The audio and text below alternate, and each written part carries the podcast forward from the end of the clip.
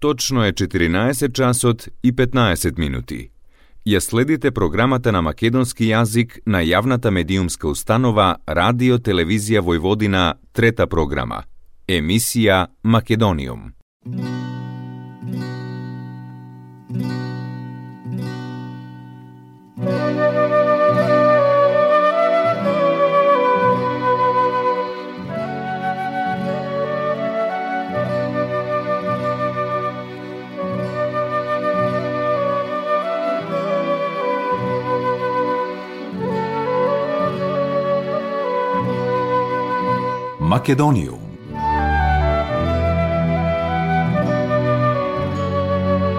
Добар ден и добре дојдовте во најновото издание на емисијата Македониум.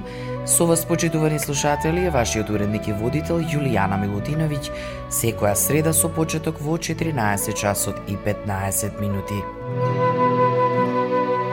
Македониум.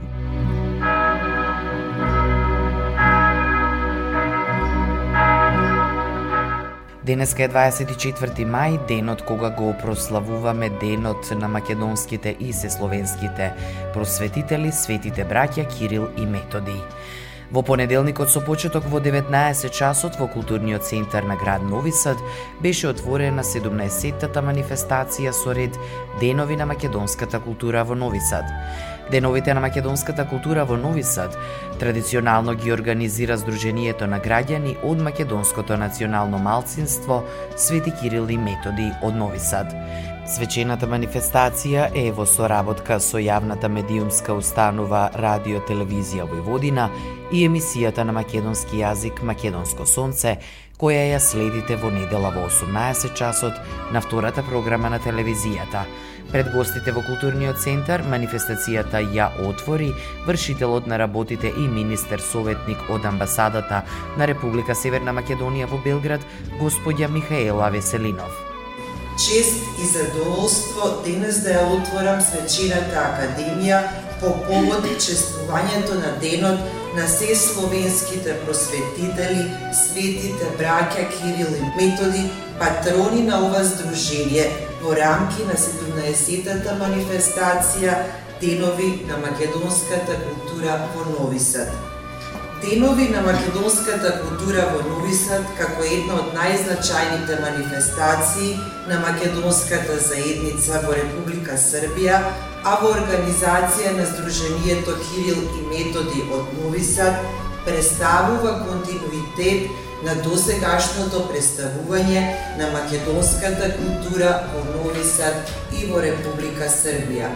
Оваа манифестација која со години наназад придонесува за промовирање и афирмирање на македонската култура, традиција, јазик и обичаи има големо значење за македонската заедница. За да го чуваме и негуваме македонското материјално и нематеријално културно наследство, треба да го пренесуваме на младите генерации, да им раскажуваме да ги заинтересираме и да ги поканиме да присуствуваат на вакви убави манифестации и настани. Богатата култура во вид на музика, слика, пишен збор представува вистинско богатство, вредно за почитување кое придонесува да биде препознаено на секаде во светот. Културата е таа која не сближува, не соединува и која ги руши сите препреки и бариери. Осакувам оваа традиционална манифестација да продолжи и во следните години, бидејќи само на ваков начин на чување, представување и афирмирање на културата се градат и се почитуваат добрососедските односи помеѓу Република Северна Македонија и Република Србија. Славењето на светите Кирил и Методи е славење на словенската писменост, на писменоста воопшто, на темелот врз кој е изградена нашата цивилизација, на писмото со кое впиша нашиот идентитет запишана нашата историја, писмо која испишува нашата иднина. на звуката која не идентификува и која не спојува. Славењето на словенските мисионери е славење и на христијанството, на верата која духовно не продлабочува и воздигнува, на верата која не поистоветува, зближува и која не спојува сите нас. Од шест да се словенските просветители, браќата Кирил и Методи, и во духот на нивната природбеничка мисија да ја продолжиме нивната света мисија во поврзување на народите низ Европа преку културата и трајните христијански вредности. Ги поздравувам сите учесници по културната програма и денес и во следните денови ве повикувам да ги посетите сите настани кои што ги организира Сдруженијето и ги прогласувам за отворени 17-тите поред денови на македонската култура во Нови Сад. Македониум. Пред Сдруженијето Свети Кирил и Методи говореше господја Васка Чергоска, главен организатор на Денови на македонската култура во Нови Сад. Како основоположници во Република Србија на манифестацијата Денови на македонската култура во Нови Сад, 17 години од нашата традиционална манифестација. Чест ми е и ми и чини ми посебно задоволство што овај ден го посветуваме на просветителите, светите браќа Кирил и Методи и патроните на нашето здружение. Ме радува што сме заедно на чествувањето на големиот празник, денот на македонската писменост и култура. И оваа година и му даваме признание и почет славејки го делото кое представува мост за сближување, соработка и поврзување. Различните култури, на овај начин се прошируваат, унапредуваат и представуваат мост на спојување на мултикултурниот живот. Нивниот светол пример и натаму ќе ни биде инспирација да истраеме во зачувањето на нашиот национален, културен и јазички идентитет.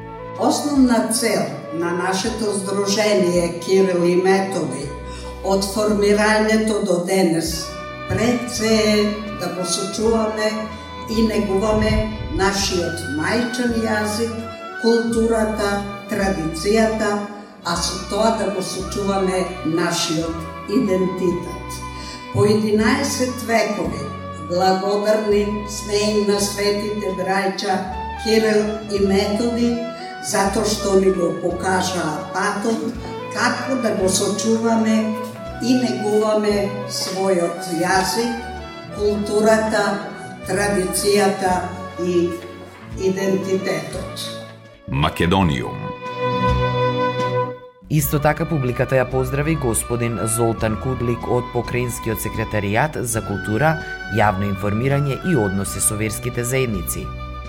Lepa za poziv i nisam očekivao da treba da se obratim.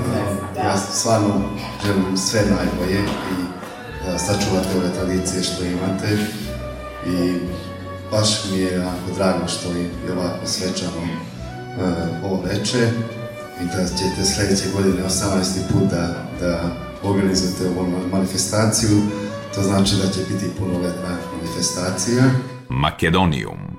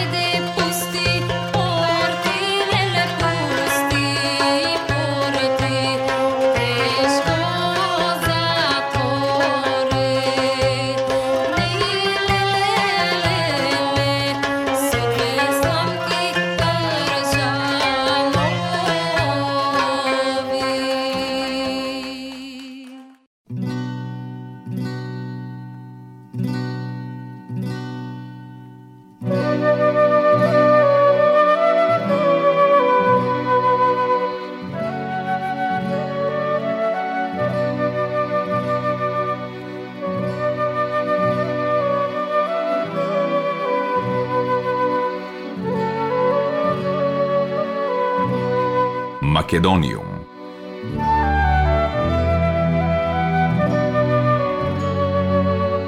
Во понеделникот во културниот центар на град Нови Сад беше отворена 17-тата манифестација Денови на македонската култура во Нови Сад, а во рамките на Свечената академија на гостите им се обрати и помошничката на секретарот на покраинскиот секретаријат за националните малцинства и заедници, gospođa Milinka Hrčin.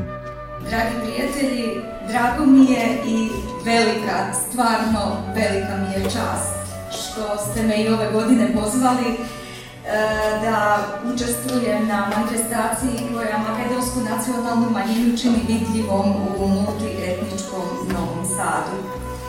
Dani makedonske kulture nije samo jedna od kulturnih manifestacija. To je dokaz da je multinacionalnost Vojvodine prioritet svih nas. To je naše bogatstvo neprocenjive vrednosti. Da se ne bih ponavljala iz godine u godinu, naglasit ću samo ono što je po meni najosnovnije, a to je očuvanje naših korena za buduće generacije. Čuvari ovih suštinskih vrednosti su ljudi, a to ste vi, makedonci i makedonke, koji svojim delovanjem čuvate od zaborava obeležja makedonskog naroda mimo granica svoje matične države. Želim vam ustrajnost u vašem daljem radu u ime sektora za ostvarivanje prava pripadnika nacionalnih manjina u svoje lično ime i neka nam život i delo braće Kirila i Metodija služe kao motivacija u širenju svih duhovnih vrednosti kojima su i sami prosvetitelji težili. Македониум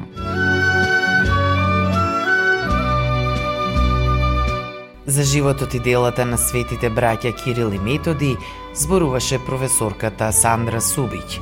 Професорката Сандра Субиќ оваа година, како и минатата, ќе ги води работилниците за изучување на македонскиот јазик во периодот од октомври до декември во просториите на Сдруженијето Свети Кирил и Методи во Нови Сад.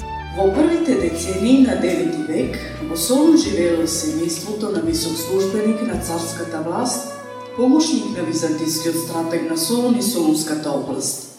Тоа бил Лав со својата сопруга Марија, кои по народност биле македонци. Семејството имало повеќе деца, но се споминуваат само имењата на најстариот Методи и најмладиот Константин. Побожните родители ги упатиле своите синови уште од најраното детство во насока према христијанството, трудејќи се да им помогнат да ги пременуваат возвишените христијански вистини во својот живот. Константин уште од својата младост се занимавал со списите на Свети Григори Назијанзин и на Дионисија Аеропагински. Татко му го испратил во Цареград да го продолжи своето образование во Императорското магнаутско училиште, каде, освен богословските науки, се изучувале и граматиката, аритметика, географија, астрономија, музика, поезија и реторика. Покрај овие науки, Константин учел јазици – латински, еврејски и сирски. Откако го завршил високото образование, Константин бил назначен за библиотекар при црквата Света Софија, а потоа бил поставен за професор по филозофија во училиштето што го заврши. Тогаш го добил името Константин Филозоф. Што се однесува до методи, постојат мощно оскудни избори, според кои тој се здобил со светско образование и се посветил на државната и воена служба. Подолго време управува во прегалничката област и придонесол христијанството длабоко да се всади во македонската душа во тој дел на Македонија. За овој успех бил особено заслужен и неговиот брат Константин.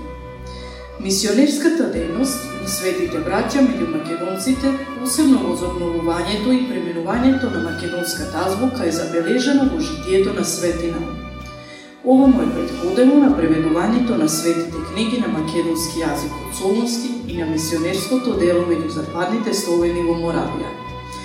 Известно време пред својата мисионерска дејност, светите браќа се повлекле во манастирот Полихру на планината Олимп, каде всушност се подготвувале за своето епохално мисионерско дело. Манастирското усамување било прекинувано два пати, кога биле испрашувани од византиската власт цариградскиот патриарх во мисиите меѓу сарацените и хазарите. Овие мисии ги извршиле со голем успех. Ростислав, кнезот на Велика Моравија, испратил молба до византискиот император Михаил III да им испрати епископ и учител кој ги им објасни на нивни јазик вистинската христијанска вера. Изборот паднал на светите браќа. Тие били речиси подготвени за оваа мисија, зашто голем број од светите книги веќе ги превеле на македонски јазик, кој како јазик бил разбили на сите слови. Браќата веќе вршеле мисија во брегалничката област и во некои други области низ Македонија. Избрале достојни ученици и помошници и тргнале во Моравија. Таму биле пречекани со голема радост и со големи почести. Набрку потоа отвориле училиште во кој ги подготвувале идните свештени учители за западните словенски народи. Тука најше на голем отпор од германски свештеници, обвинувани за ерес. Биле принудени да појдат во Рим и да го докажат своето правоверие. Во Рим биле причекани со големи почести од папа Таријан II. Тој ги одобрил македонско-словенските богослужбени книги и наредил да бидат поставени на олтарот на црквата Санта Марија Маджоре, како и во три римски цркви богослужбите да се вршат на македонски јазик. Кирил во Рим тешко се разболел и починал на 14 февруари 869 година. Метод е епохалното мисионерско дело меѓу западните словени го, го продолжува сам, со помош на своите ученици, кои во Рим биле ракоположени на свештенички чин, Истоштен од напори измачувања, методи починал во Нитра 885 година. Солунските браќа Кирил и Методи имаат извонредно и единствено историско-културолошко и епохално просветителско значење за Европа, светот и Македонија, кое е изразено преку нивната просветителска мисија како потик на епохален цивилизацијски процес. Темелот на тој културолошки процес е создавањето на првата словенска азбука од 38 букви наречена глаголица. Првото словенско писмо, глаголицата, е оригинално дело на Константин Филозоф, кој го користел искуството и предобиките од другите народи, а истовремено носи длабок печат на христијанските символи, значаен белег во денешното време. Тие превеле бројни богослужбени книги, ја ширеле Христовата вера меѓу словенските народи, го вовеле книжевниот јазик, ги удриле темелите на словенската книжевност, допринеле на развојот на македонскиот јазик. Идејата на светите браќа ги спасила словените од губење на собствениот идентитет и тоа е нивна најголема заслуга. Делото на Кирил и Методи го опфаќа сиот духовен живот на словенските народи, кој се образува во јазиците и пишаните споменици, во книжевните дела, во народното творешто, верувањата, преданието и во обичаите, во теолошката апологија на словенскиот јазик и неговото користење во Божите служби. Кирил се смета за првиот филозоф во историјата на културата на словените, што ја дал првата дефиниција на филозофијата која гласи Филозофијата е разбирање на Божите и човечки работи до степен каде што човекот може да му се доближи на Бога и со своите дела да добие прилика да го спознае тоа што го создал. Методи, како прв словенски архиепископ, водел тешки борби со германското свештенство, а Кирил често се впуштал во полемика заради зборување на три јазици – еврејски, грчки и латински – Сакале да докаже дека е потребно да се сложи и на македонски словенски јазик. Се словенските просветители биле полиглоти, знаеле 10 европски јазици. Ја создале глаголицата, а нивните ученици го продолжиле нивното дело и ја создале кирилицата. Во 863 година Кирил и Методи и нивните ученици тргнале во нов поход на мисија во Моравија. Тие ја повела богослужбата на словенски јазик, развили за местното население во Моравија, а во Македонија се создала нова словенска азбука, глаголица, во чија основа лежа македонскиот говор од околината на Солун. Се создали училишта со бројни ученици, се изградил словенски црковен организам со словенски достоинственици и архиери и со масовното словенско свешенство. Враќањето на учениците на Кирил и Методи, Свети Климент и Свети Наум во Македонија во 886 година представувало назначување на нов главен полигон за ширење на словенската цивилизацијска свест. Свети Климент Охридски учествувал во извршувањето на Моравската мисија. По завршетокот на оваа мисија, Свети Климент Охридски оди во Охрид, каде во 886 година ја формира Охридската книжевна школа, или позната како прв словенски универзитет. Покрај црковните и педагошките дејности, особено учителско-просветителски, Климент развили богата книжевна дејност. Светина Наум Охридски бил познат како учител, организатор на црковниот живот, просветата, културата и потикнува учени луѓе кон творештвото. Свети Кирил и Методи со своето дело вечно придонеле за сите словенски народи и воопшто европската и светската култура и цивилизација. Она зашто тие се залагале и напорно работеле уште во средниот век, равноправност на јазиците и народите, еднаков пристап до образованието и науката, представуваат основни постулати врз кои денес почива меѓународниот поредок и човечката цивилизација.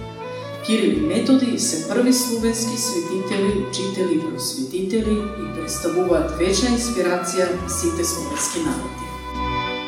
Програмата во свечениот дел беше исполнета со музика која ја свиреа прекрасни млади музичари од музичкото училиште Исидор Бајќ, а исто така поетесата глумица и автор Сонја Конеска Жуѓиќ на многу интересен начин ни долови стихови од незината везелка, ни песна и приказни за селото и градот. Програмата на Деновите на македонската култура продолжува во сабота на 28 мај со литературно-поетската вечер во Друштвото на писателите на Војводина, потоа во петок на 2 јуни во културниот центар Милош Црњански со почеток во 19 часот ќе биде отворена изложбата на младата македонска уметница Викторија Динева од Скопје, а овие денови на македонската култура во Нови Сад ќе завршат со вечер на изворната македонска песна во среда на 7 јуни во културната станица Екшек.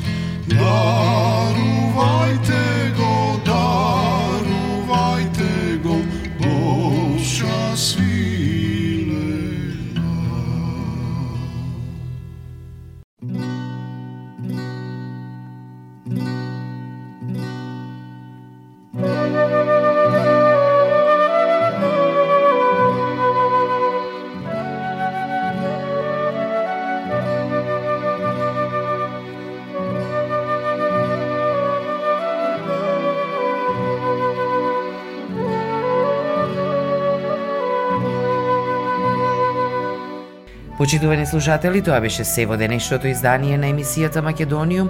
Голем поздрав од вашиот уредник и водител Јулијана Милутиновиќ до следната среда во исто време. Ја следевте програмата на македонски јазик, емисија Македониум. Главен и одговорен уредник Воин Поповиќ.